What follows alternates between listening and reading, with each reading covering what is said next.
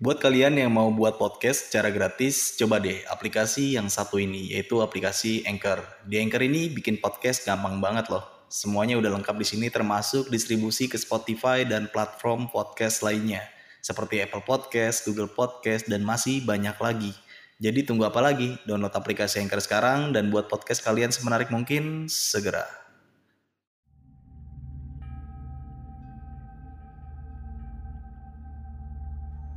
Ini tuh setelah Silai ngomong itu gue baru berani nengok-nengok. Gue perhatiin sebelah kanan tuh nggak ada apa-apa. Nggak ada apa nggak ada apa-apa sama sekali.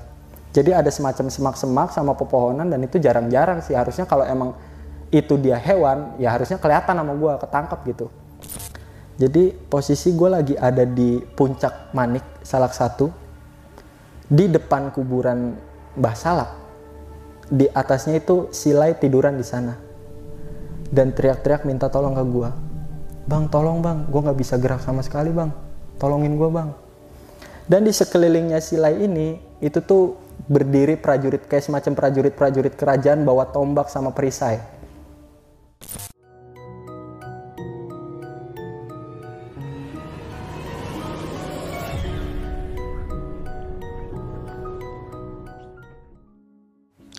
Assalamualaikum warahmatullahi wabarakatuh Balik lagi di besok pagi Kali ini bareng gue Bang Mange Pria gemoy tanpa bahan pengawet Sebelumnya gue sangat berterima kasih banyak buat teman-teman semua yang udah mensupport, menonton dan mendengarkan besok pagi hingga sampai saat ini.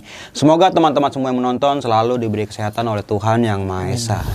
Di kesempatan momen kali ini gue masih menghadirkan narasumber nih. Dan narasumber gue kali ini adalah pendaki asal kota Tanjung Priuk nih. Oke nih langsung aja gue sapa narasumber gue pada malam kali ini. Selamat malam Bang Septo. malam bang Apa kabar nih Bang? alhamdulillah baik Alhamdulillah. Abang baik ya. sendiri gimana nih? Ya sehat-sehat aja sih. Alhamdulillah ya. Nah kesibukannya mas- lagi apa nih Bang? ya kerja aja lah Masih kerja sambil naik kerja gunung? nyari duit gajian naik gunung gitu gitu Gitu aja udah tuh. Iya. Rotasinya muternya. Nyari duit abis ini naik gunung gitu. ya ngabisin duit di gunung habis kerja lagi Oh gitu. Iya. nah di segmen kali ini lu pengen menceritakan tentang pendakian lu di gunung mana nih? tektok gunung salak Di Gunung Salak gitu wah. ya Itu per tahun ini berarti ya? 2020. bulan kemarin baru baru bulan kemarin. Iya.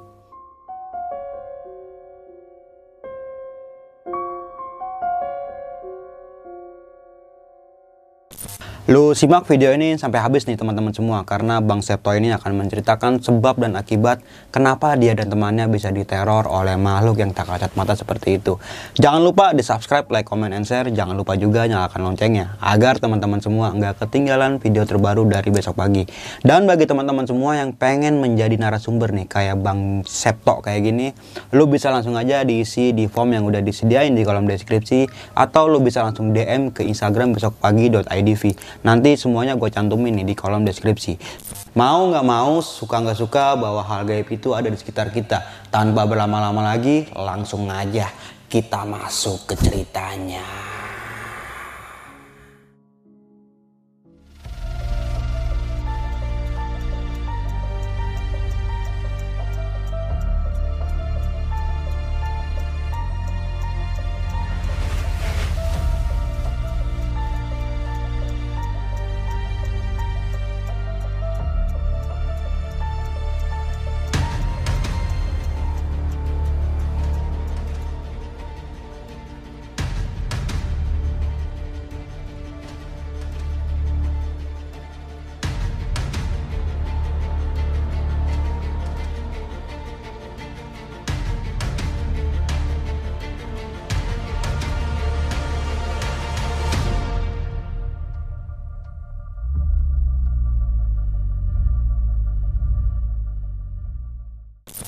...2022 Gunung Salak ya. Ya. Berarti baru bulan kemarin nih, masih Baru anget banget nih. masih anget masih inget banget nih Iya, berarti ya. masih ingat banget gua Nah, di awal cerita kan lu sempet disasarin nih. Mm. Sama lu ngedenger suara yang menurut tuh masih samar-samar lah itu masih sama-samar ya. Entah itu dari binatang, tapi kalau logikanya binatang itu nggak ya, kayak gitu ya, suaranya. nanti ada logiknya deh Nah, nanti di ini aja Iya, lihat aja ya. cerita. Langsung teman-teman semua bisa komen nanti itu suara apa Iya boleh boleh ya. boleh kita minta pendapat penonton kan Oke, nah, lu bisa jelasin lagi nggak sih dari awal hingga akhir kejadian nih? Bisa. Dan lu bisa menceritakan semua pendakian lu di sini.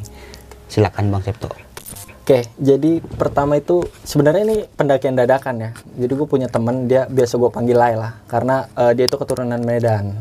gue panggil Lai jadi hari Jumat jam 10 malam itu gue lagi biasalah push rank game online Mobile Legend gue lagi nge-push rank gak tau ada notif dari dia. Dia WhatsApp gue bang minggu libur nggak? Kenapa lah kata kata gue kan. Tipis-tipis yuk tiktok dia bilang gitu. Boleh tuh ke mana? Dia jawab salak. Nah pas dia ngomong salak sebenarnya gue masih mikir bang. Karena gue juga punya kejadian ya sebenarnya nggak terlalu ini ya cuman gue masih agak-agak trauma lah buat ke salak lagi. Eh, walaupun emang sebenarnya salaknya beda nih. Yang pertama itu gue ke salak dua Eh, gue ceritain sedikit yang di salak dua ya jadi di salak dua itu gue tektok juga sama berempat. Kebetulan ada lay juga sama sama orang yang sama. Cuman ini berempat. Pas gue nyampe puncak gue turun. Jadi pas turun itu kondisi hujan. Nah kebetulan pas tektok itu gue bawa baju ganti gue gue taruh di depek tas kecil. Karena baju, baju cuman sisa itu doang bajunya. Kalau kebasan gue pulang nggak udah nggak ada baju sama sekali nih. Akhirnya gue mutusin berhenti sebentar pas turun buat pakai jas hujan. Sama buat eh, rain covernya lah buat tas buat depek gue ini. Itu gue udah lumayan ketinggalan jauh tuh sama rombongan gue. Karena di puncak bener-bener kita ber, eh, berenam jadi gue berempat kelompok pertama kelompok kedua itu dua orang. Cuman dia udah turun duluan. Pas turun gue udah udah make jas hujan terus udah ma makein rain cover. Gue jalan lagi tuh udah ketinggalan jauh banget sama teman-teman gue di depan. Jadi posisi gue sendirian di belakang dan gak ada orang lagi di belakang gue. Pas jalan turun gue tuh samar-samar ngedenger suara langkah langkah kaki. Dan gue nengok dong karena penasaran. Ini bener-bener nyata ya. Maksudnya pas gue nengok ke belakang itu ada sosok nenek-nenek. Di puncak gunung salak 2 via Aji Saka gue waktu itu. Nenek-nenek dia rupanya nenek-nenek cuman posturnya tuh tegap. Bukan kayak nenek-nenek. Ya kayak umumnya lah nenek-nenek gimana sih kan agak bongkok kan. Cuman kalau ini dia tuh tegap. Tegap banget. Kayak masih seger aja kayak anak kuda. Terus pas gua nengok dia tuh senyum senyum ke gua sambil bilang hati-hati anak. Dia bilang kayak gitu ke gua. Gua ud- eh, makanya kenapa gua trauma ya karena kisah tadi itu di salak dua. Cuman karena ya gua emang orangnya ambisius banget sih. Terus ada tem berhubung ada temennya juga ya udah akhirnya gue maulah ke salak satu waktu itu via Cimelati. Singkat cerita kita janjian di Sabtu malam. Kita berangkat Sabtu malam jam setengah 12 kita berangkat. Nah sebelum berangkat ini ya kayak biasa ketika gue ngedatengin gunung yang belum pernah sama sekali gue daki gue gue selalu cari informasi bang terkait gunung itu. Di luar hal mistisnya ya. Mulai dari eh, base campnya terletak di mana lokasinya terus ada orang-orang base camp yang bisa gue hubungin atau enggak terus jalur pendakiannya gimana tipe jalurnya kayak gimana segala macam lah terkait informasi gunung tersebut akhirnya gue coba cari-cari dah kontak base camp orang-orang base camp tuh. Gue nemu. Biasanya kan rata-rata kan eh, base camp di tiap gunung mereka punya offi- official account gitu di Instagram kan. Akhirnya gue carilah gunung salak satu via Cimelati. Dapat nomornya dapat kontaknya gue WhatsApp. Akhirnya di situ gue minta Sherlock. Karena gue nggak tahu benar-benar nggak tahu nih lokasinya di mana. Kita berdua belum pernah ke sana. Kita dapat Sherlock udah dapat informasi barulah setengah 12 hadi, setengah 12 itu di hari Sabtu kita berangkat kita berangkat. Nah singkat cerita di jam 2 ji- di hari Minggu jam 2 dini hari kita itu udah nyampe. Gue kurang tahu ya itu kayaknya sih udah masuk daerah Cimelatinya karena gue ngelihat ada plang jalan Cimelati di situ jalan desa Cimelati. Gue udah masuk situ gue tetap ngikutin eh, arahan dari Sherlock karena kebetulan gue yang bawa motor jadi si Lai ini temen gue yang merhatiin Sherlocknya. Gue dituntun tuh sama Lai sesuai dari Google Maps itu gue dituntun nyampe di mana itu tuh ujung jalan aspal. Jadi ujung jalan aspal di di ujung jalannya itu udah jalannya itu trek-trek tanah dan ke sananya itu gelap banget. Di ujung jalan aspal kiri kanan itu udah rumah terakhir. Menurut gue mungkin itu jalur apa ya perkebunan warga lah. Pokoknya ke sana itu udah gelap banget. Gue coba mastiin ke teman gue lah ini bener jalurnya ke sini.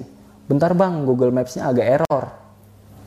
Dan ternyata kita disuruh putar balik waktu itu dari Google Maps. Bang putar balik kata Lai. Akhirnya gue muter balik lagi. Turun lagi ke bawah. Turun ke bawah si Lai nyuruh gue berhenti. Bang bang stop bang. Kita suruh putar balik lagi. Suruh putar balik lagi tuh. Kita putar balik jalan berhenti di tempat yang sama. Berhenti di tempat yang sama. Itu udah jam sekitar jam setengah tiga. Akhirnya gue frustasi bang waktu itu. Ah yang bener aja sih masa ya. Gue udah jauh-jauh bisa nyasar kayak gini. Terus gue gue bingung kan. Gue juga mikir apa gue putar balik aja nih tektok gunung gede waktu itu. Yang penting intinya gue tetap tektok lah naik gunung. Akhirnya yaudahlah udah matiin aja Google Maps lu. Kita cara orang eh kita ca kita cari orang terus tanya sama orang orang setempat itu ke mana jalur buat ke base campnya. Dia Google Maps dimatiin sama si Lai. Gue mau terbalik nyari orang. Da nah dari jauh gue ngeliat nih ada banyak motor nih terus ada kayak warkop gitu. Ya akhirnya gue datengin kan Kang numpang tanya kalau bu kalau jalur buat ke arah base camp pendakian Gunung Salak via Cimelati itu ke mana ya? Gue bilang kayak gitu. Oh udah kelewat mas. Uh, itu muter balik terus agak agak jauh agak jauh dari sini dikit itu ada pertigaan belok ke kiri kata dia. Hmm. akhirnya gue ngikutin karena ya gue ngerasa dia akamsi kan warga lokal di situ gue percaya sama dia. Akhirnya gue puter balik dan bener ternyata ada pertigaan kita belok kiri itu agak nanjak dikit. Nah gue pikir base campnya itu di sana akhirnya gue suruh si Lai ini buat uh, ke Google Maps yang tadi. Dan ternyata bener tuh jalurnya. Udah bener lagi di Google Maps sudah nggak error. Ini gue jalan gue nyari ini mana rumahnya ya? Soalnya banyak banget kan. Gue coba hubungin orang yang tadi yang orang base camp itu. Gue chat gue telepon segala macam nggak direspon. Mungkin udah tidur kali ya. Akhirnya gue jalan lagi nggak jauh dari situ ada anak muda lah seumuran gue lagi pada nongkrong. Gue tanyain lagi punten kang mau ke base camp Cimelati itu ke mana ya? Masih lurus kang lumayan jauh dari sini naik ke atas dia bilang gitu. Akhirnya gue coba mastiin lagi kan ke Google Maps ternyata emang dari Google Maps nyaranin kita buat lurus lagi ke atas. Sekitar 2 atau 3 km lah kalau nggak salah waktu itu. Akhirnya kita jalan. Nyampe di rumah terakhir lagi itu sebelum naik ke atas itu tuh kondisi gelap dan di, di situ tuh masuk ke hutan bang. Bener-bener hutan kayak hutan gitu gue agak bingung lagi kan ini yang bener aja sih masih base camp apa base campnya di atas banget gini. Kan nggak mungkin ini mah masuknya jalur pendakian menurut gue waktu itu. Harusnya ini udah masuk jalur pendakian. Akhirnya ya udahlah coba aja gue coba dulu karena penasaran kan. Gue naik ke situ naik ke atas. Itu kondisi jalanan gelap terus lampu motor itu apa ya udah redup lah. Kebetulan waktu itu gue pakai motor nyala ya. Lampu motor udah redup terus bannya juga licin. Karena jalur di sana itu dia ada dua jalur. Cuman jalurnya tuh cuman buat satu kendaraan motor doang kiri kanan. Dan tengah-tengahnya itu kayak semacam numbu rumput-rumputan dah.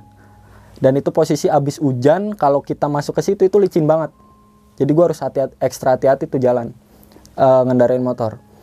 Akhirnya jalan-jalan gue juga makin apa ya ke bawah suasana juga. Karena sila ini diem aja bang dari tadi dia diem aja gue gue mikir apa ini orang kesurupan ya? Diem aja. Dia gue coba ajak ngobrol kan gue coba ajak ngobrol. Oh nggak dia masih sadar nih gue gue ajak ngobrol terus. Udah tuh jalan terus kita ngelewatin kayak semacam hutan gitu sebentar nanti ada lagi kayak perumahan kayak villa gitu cuman jarang-jarang. Singkat cerita kita nyampe di uh, di atas tuh itu motor udah nggak bisa naik lagi. Akhirnya gue nyuruh sila ini turun gue minggir sebentar gue coba buat mastiin gimana lah ya udah udah dekat sama lokasi belum? Udah bang ini di atas. Gue nengok ke atas ternyata ternyata bener. Di situ tuh ada semacam pos security sama ada uh, apa ya kayak gardu gitu. Hmm. gardu penutup jalan gitu. Hmm. komplek kayak gardu komplek. Oh bener nih kayak yang gue lihat di Google waktu itu. Akhirnya kita datangin ke sana. Kita datang dan ternyata ada yang jaga di situ kebetulan bapak-bapak. Ditanyalah sama Silai buat ke base camp Salak satu via Melati itu ke mana bapak-bapak ini nyuruh buat ke arah kanan. Karena emang base campnya di sana dia bilang gitu. Dan gue nengok ke kanan itu tuh masuk hutan lagi bang. Masuk hutan lagi. Ah yang bener aja nih masih gue apa masuk hutan lagi. Yang kita naik ke atas kita naik ke tempat itu aja udah serem banget gitu. Masih kita harus ngelewatin kayak gini lagi gue mikirnya waktu itu. Akhirnya ya udahlah kita coba dulu. Akhirnya kita jalan bener. Nggak lama dari situ kita nemu masjid. Masjid yang di Sherlock sama uh, orang base camp itu. Hmm. Namanya itu Masjid Hutan. Emang bener sih itu masjid kayak semacam di tengah-tengah hutan. Ya akhirnya kita sampailah di sana. Kita sampai jadi di sebelah kanan itu masjid, di sebelah kiri ini turun ke bawah dikit ada warung. Ada warung sama ada rumah lah di sebelahnya. Di situ gue ngeliat ada kayak warga lokal lagi tidur di depan rumah. Akhirnya gue coba buat bangunin, nanya-nanya, dan ternyata emang bener sih banyak motor yang parkir di sana, mobil juga ada, dan ternyata emang itu pendaki yang udah uh, naik pas sore tadi. Jadi mereka itu pada ngecamp. Akhirnya gue coba nanya dong, e, Kang ini kita tidur di mana ya? Oh tidur di masjid Kang di atas. Loh ini belum ada base campnya waktu itu gue nanya kan. Ini belum ada base campnya Kang. Emang biasa sih pendaki tidurnya di atas itu di masjid. oh ya udah deh akhirnya ya mau nggak mau kan kita tidur di sana itu udah jam tigaan lah kita di masjid itu bener-bener cuman berdua doang oh ada dua warga lokal tapi dia udah tidur udah tidur tuh warga lokal. Ya udah kita mutusin buat tidur karena di jam 6 pagi ini mau nggak mau kita harus jalan. Mau nggak mau kita harus jalan karena kita ngejar waktu. Ditambah kita tektok nggak punya persediaan nggak punya persediaan lengkap lah. Kita cuman bawa eh, yang yang perlu kita bawa aja. Kayak minuman terus kompor buat masak air buat bikin kopi segala macam roti-roti. Ini udah jam 3 nyampe situ tidur kita istirahat jam 6 gue bangun karena alarm. Udah gitu eh, suasana juga udah mulai berisik. Warga-warga udah pada beraktivitas lah. Gue bangun dan ternyata di sebelah gue itu ada dua orang pendaki juga. Mereka mau tektok gue tanya asalnya dari Jakarta Timur. Akhirnya kita prepare tuh waktu itu jam jam 6 atau setengah 6 lah. Prepare siap-siap ganti baju segala macam udah siap gue lupa waktu itu belum makan bang. Gue lupa akhirnya ya udah mau nggak mau kita mesen nasi dulu dan harus nunggu lagi makan waktu lagi. Gue udah udah mulai mulai rada-rada khawatir waktu itu karena sebelum pendakian gue udah manajemen waktu gue nih dengan baik. Jadi mau nggak mau jam 6 itu harus start trek biar supaya nyampe atas itu nggak terlalu siang. Karena yang gue lihat yang gue baca ketika gue searching di Google itu estimasi tektok Gunung Salak 1 via Cimelati bisa 6 sampai 7 jam waktu itu gue baca jadi mau nggak mau gue harus start trek itu jam 6 biar supaya nyampe atas nggak kesiangan dan turun juga masih sore gitu masih aman lah. Jadi gue nggak mau ketemu malam sama sekali di situ. Ini karena kita belum makan sama sekali ya kita harus nyiapin nasi karena kita nggak bawa beras buat dimasak. Kita cuman bawa air sama roti doang waktu itu.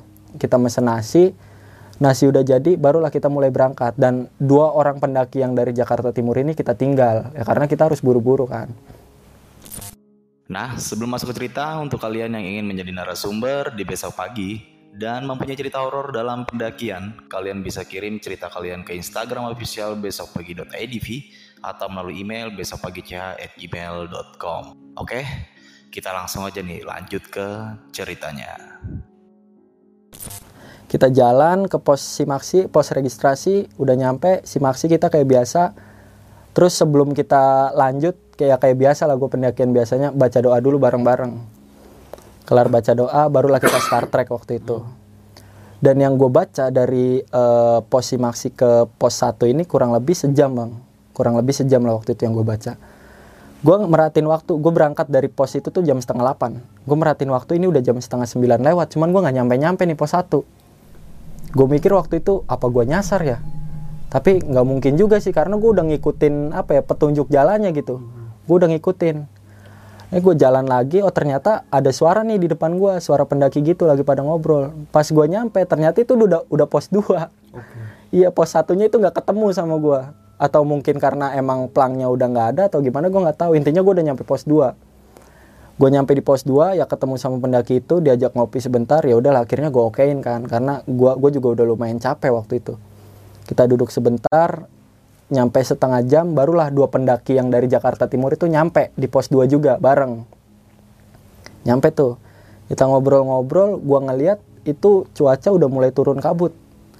Ya gue perkirain itu gerimis nih kayaknya nih. Dan ternyata bener aja memang gerimis. Cuman gerimis di gerimis kecil lah. Karena gue nggak mau lama-lama juga kalau gue diem terus kan lama-lama dingin kan. Akhirnya gue mutusin berdua sama Lay buat jalan. Ninggalin mereka nih berlima tiga orang yang ngecamp sama dua orang yang dari Jakarta Timur itu. Mereka gue tinggalin berlima. Ya udah selang 10 menit dari pos 2 kita udah nyampe pos 3 tuh. Dari eh, masjid sampai pos 3 itu kita nggak ngalamin hal apa-apa. Cuman ketika naik sedikit pos 3 di situ kita deng- sama-sama denger nih bang. Pertama gue sih kayaknya yang denger ya.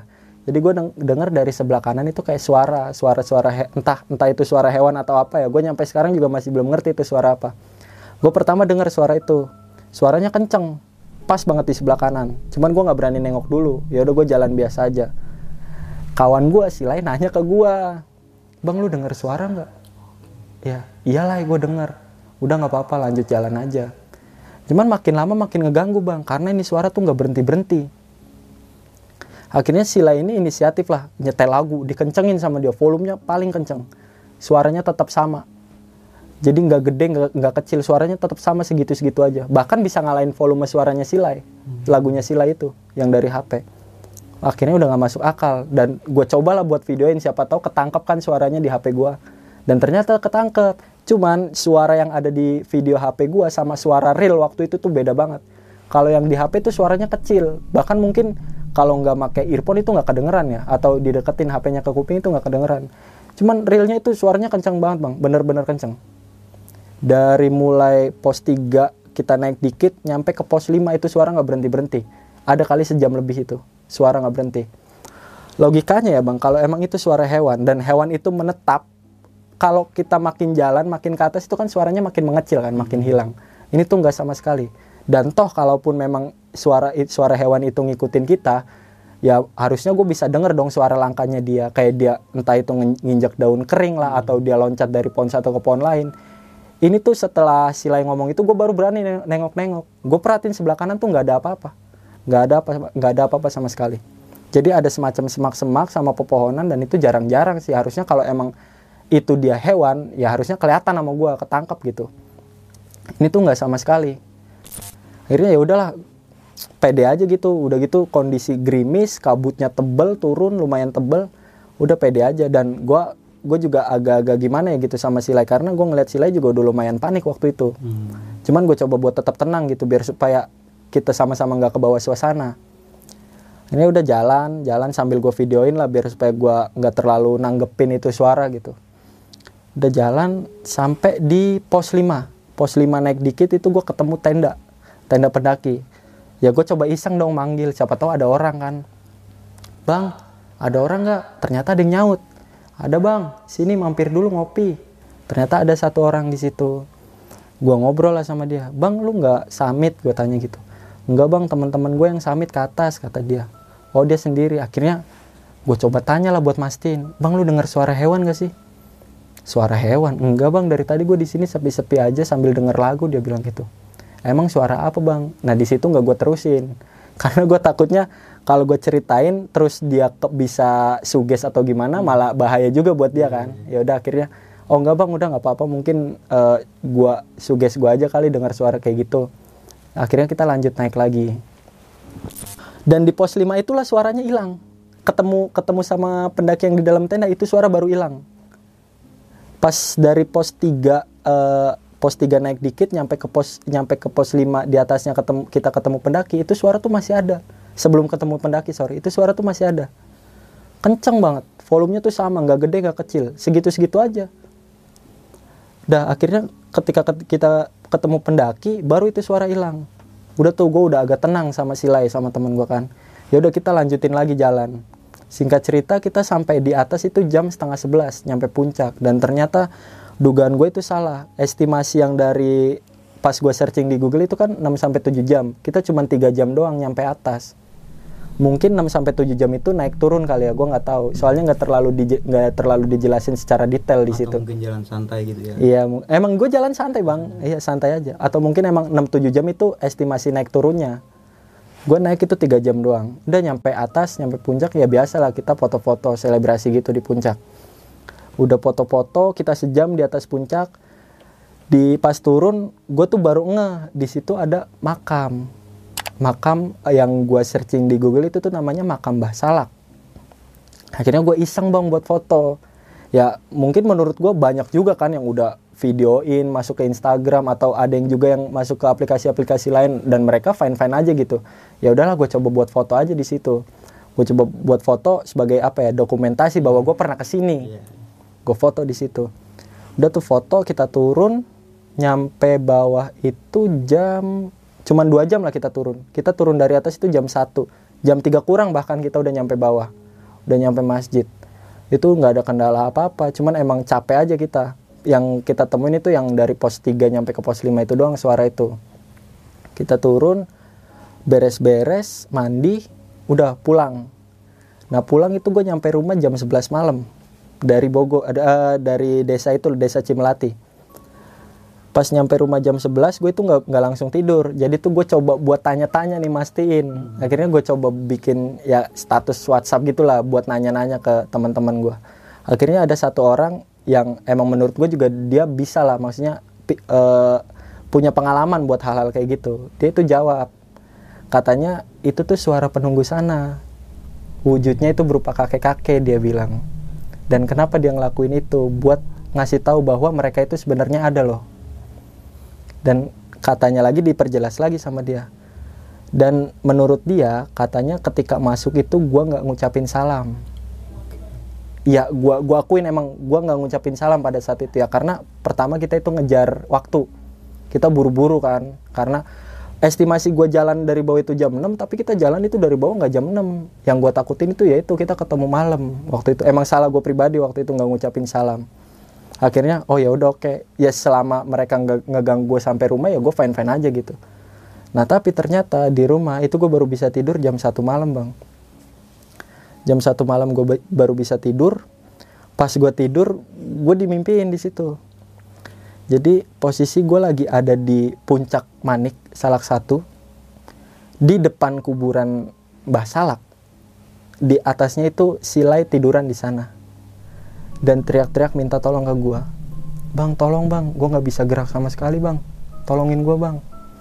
Dan di sekelilingnya silai ini itu tuh berdiri prajurit kayak semacam prajurit-prajurit kerajaan bawa tombak sama perisai di mimpi gue bang.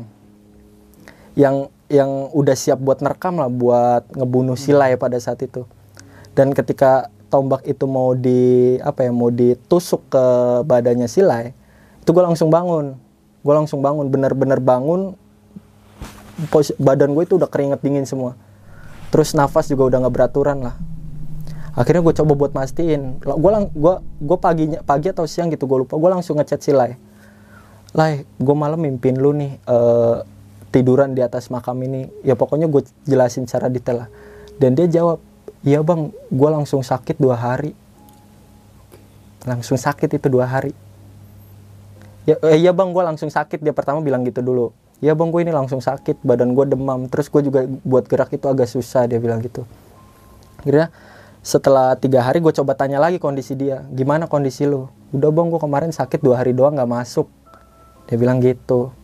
Dan ya apa ya menurut gue ini relate kan sama apa yang gue mimpin. Akhirnya ya udah gue coba buat minta maaf coba buat minta maaf ke penunggu-penunggu sana di pas gue udah nyampe rumah juga. Pas gue udah tahu lah kejadian itu gue coba buat minta maaf. Dan emang pelajaran buat gue juga sih ketika gue bertamu ke rumah orang alangkah baiknya gue harus ngucap salam dulu waktu itu.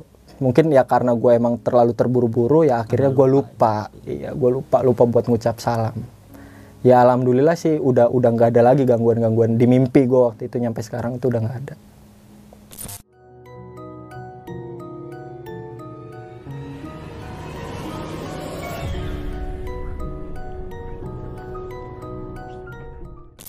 Oke nih Bang Septo, gokil banget ya. sih cerita pendakian lu di Gunung Salak pada tahun bulan Juli kemarin. ya, tahun ini ya. Bulan Juli kemarin. Oke. Nah, di sini yang gue pengen pertanyain nih tentang sebelumnya kan lu pernah ke puncak dua ya, puncak panik dua ya? Enggak, puncak Prabu nyebutnya di Salak dua. Di Salak dua Iya. ya. Nah, ini ada yang menurut gue ada yang mengganjal nih tentang seorang nenek-nenek yang ketika lu pas turun itu dia sempat berpapasan gitu. Iya, Dan dia menitip pesan hati-hati hati-hati anak. Nah, kalau boleh lu jelasin lebih detail lagi uh, kriteria atau nenek-nenek itu sosoknya memakai baju warna apa ke apa Dia gimana kayak gitu. semacam apa ya? Apa ya orang Jawa tuh nyebutnya kayak kemben gitu, Bang. Oh, yang dililit gitu. Iya, Oke. kayak kemben. Terus ya per- perawakannya tuh kayak kayak anak muda, cuman wajahnya terus rambutnya itu ya kayak nenek-nenek gitu. Maksudnya dia nenek-nenek tapi badannya masih segar, maksudnya masih Hmm. masih tegap gitu. Kalau nenek-nenek pada umumnya kan pasti bongkok ya, badannya. ya, Oke. agak bongkok gitulah. Dan lemas. yang lu lihat ini ya biasa gitu biasa keker gitu. uh, dan nggak nggak make sense juga nggak masuk akal juga kok ada nenek-nenek gitu di puncak gunung Oke, nah, ini yang gue mau pertanyaan lagi. Nah, di situ lu nggak berpikir hal-hal negatif tentang nenek itu. udah udah berpikir lah bang Oke. udah negatif duluan maksud gua gue yang anak muda aja capek loh naik gunung apa tektok ya tektok ke Salak 2 itu kan jalurnya Lumayan kan. itu. itu ada apa web apa eh, manjat tebing gitu pakai Iya. webbing kan kok nenek-nenek bisa gitu nyampe atas dari situ gua sempat diem ya walaupun emang dia nggak ngeganggu ya maksud dia baik buat ngucapin bilang katanya hati-hati ya cuman tetap aja kalau misalnya gua ngeliat hal yang nggak masuk akal kayak gini kan takut juga Dan para situasi saat itu lagi hujan mungkin ya. Hujan. Hujan dan lu ditinggal belakang sendiri itu. Iya, ditinggal belakang di, sendirian di belakang. Kalau gue mau gue langsung lari itu.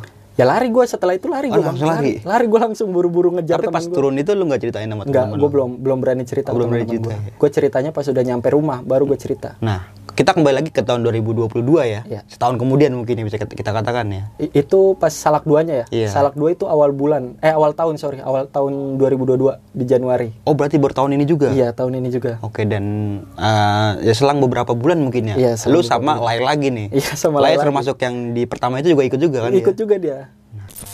Lai ini emang udah maksudnya udah mungkin teman main lu nih ya, kayak teman tandeman pendakian Iya, mungkin. kebetulan kita satu komunitas kecil gitu. Ada gue punya komunitas juga bareng lima orang teman gue. Emang kita sering nanjak bareng. Hmm, jadi udah ya udah, udah paham aja sering, lah. udah paham banget. Dan tentang estimasi waktu yang lu bilang tadi kayaknya itu bermanfaat banget sih penting banget itu. Hmm. Iya, emang Sebelum kita berangkat ke suatu tempat ya yang belum pernah kita tem- Iya. lewati lah gitu. Ya, emang minimal kayak gitu baca-baca Iya, artikel. bener. Emang jadi jadi bisa apa sih sebutnya kalau kayak gitu ya? Buat manajemen juga kan. Manajemen waktu juga jadi bisa buat jaga-jaga Iya, nih. Kalau misalnya telat gimana nanti sininya gitu dan sama salah satu lagi nih suara yang lu dengar dari pos 3 sampai pos 5 nih. Iya. Nah, itu bentuk suaranya itu kayak gimana bisa lu contoh kasih contoh nggak sih? Gimana ya? Kayak dia cuman huh gitu doang. Cuman eh, volumenya itu sama gitu loh. Oke. Cuman huh gitu doang. Ya kalau cuman sekali mah gue bodo amat ya. Cuman ini berkali-kali itu udah ngeganggu gue banget bang. Dan itu sepanjang perjalanan dari pos 3 ke 5 ini. Iya. Sampai gue ketemu pendaki baru itu hilang. Tuh, dan di sini bukan lu doang yang denger ya. Iya, itu Silai juga, juga lu dengar. ya. Iya. Dan untungnya lu sempet ngerekam dan tadi lu bilang suaranya itu lebih jelas aslinya daripada Lebih jelas direkam. aslinya ya. Kalau direkam itu kedengeran suara musiknya Sila itu Oke. yang kencang. Cuman emang kalau misalnya kita dengerin secara detail pakai earphone atau HP-nya kita deketin ke kuping itu kedengeran bang suaranya. Tapi lu seneng gak lu? Ya Bisa. seneng lah karena gue punya cerita kan. Nah, Senangnya gue punya cerita dan alhamdulillahnya gue selamat. sampai rumah ya. Cuma agak dimimpiin sedikit. Ya nggak masalah Nah, sih kalau sama satu, satu lagi nih tentang mimpi yang lu mimpi setelah turun itu kan. Hmm. Ternyata hampir sama sama lah yang ngalamin. Relate lainnya sakit waktu itu. dan- Berhubungan gitu. Dan situasi lu keadaan mimpi itu lu ngeliat Lai berada tiduran di atas Makam petilasan itu ya. Dan udah dikelilingin sama prajurit prajurit-prajurit. kerajaan. Cuma satu kesalahannya. Ya, emang ya gua gua akuin itu kesalahan, kesalahan benar-benar. Kalau Walaupun kecil, cuman mungkin emang impactnya sebesar itu. Kayak ya ma- malum ya manusia itu kan tempatnya salah dan dosa Betul. dan lupa ya mungkin Hmm, karena lupa, Ya, ya. gua kan? karena ngejar waktu waktu itu. Iya. Cuma kesalahan yang menurut gua ya Ya, mungkin menurut kita ya, sepele biasa, ya. sepele gitu. Cuma ya begitu dampaknya ya kan. Sampai Betul. tadi Lai sampai sakit dua hari. Sakit dua hari dia, nggak masuk kerja. Wah. Aduh, gimana tuh Lai? Udah alhamdulillah udah udah udah baik. sih. Udah, udah. Kemarin kita Oke udah ngumpul sekarang. lagi. Oke. Kemarin semalam kita ngumpul lagi. Tapi setelah lu turun kayak gitu lu nggak sempet sempet cerita sama si Lai tentang kejadian-kejadian yang lu alami di cerita, atas. cerita, cerita. Ya itu gua gua tanya, gua gua tanyain ke dia, "Nilai gua gua dapat mimpi kayak gini. Ada Hmm. masih ada bukti chatnya. Gua ada mimpi kayak gini lah. Lu lu tiduran di atas gini." Ya bang, gua langsung sakit ini demam. Oke. Dia bilang gitu. Dan di di pagi mungkin ya di Iya, siang agak siang Kalau nggak ya? salah agak siang deh itu. siang Senin Senin siang berarti Yap. ya. Senin Dan ternyata langsung kayak gitu. Iya.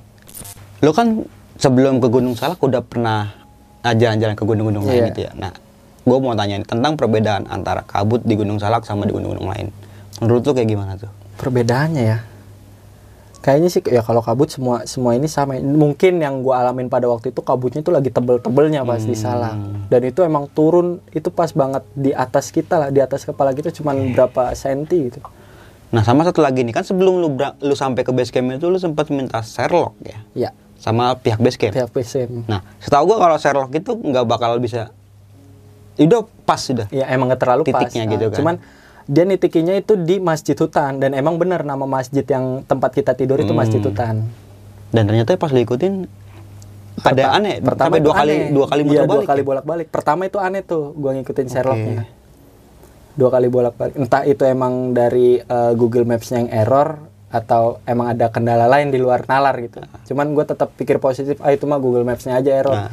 namanya pedesaan kita susah nih dapetin sinyal gue mikirnya gitu waktu itu Jadi akhir oh, ya, dan untungnya banyak ada kayak kayak nongkrong orang di Iya masih gitu. ada sih untungnya masih Bisa ada buat nanya-nanya gitu. Tapi lu udah udah udah niatan nih kalau emang kita nyasar sini kita ke gede Udah, aja muter gitu. aja lah ke gede ya yang udah jelas gitu kita Ah. udah tahu tempatnya di mana Tapi ternyata alhamdulillahnya rezeki bersikap iya, bersifat lain ya. gue di, diarahin gitu. buat ke base campnya Oke nih. Thank you banget nih Bang Septo lu udah Iya. pengen berbagi pengalaman pendakian lu di Gunung Salak nih. Sama-sama, TikTok Bang. gitu ya. Iya, TikTok. Sebelum kita mengakhiri video kali ini, Bang Septo sebelumnya kan ada pesan-pesan nih buat Iya. Bang Septo ya.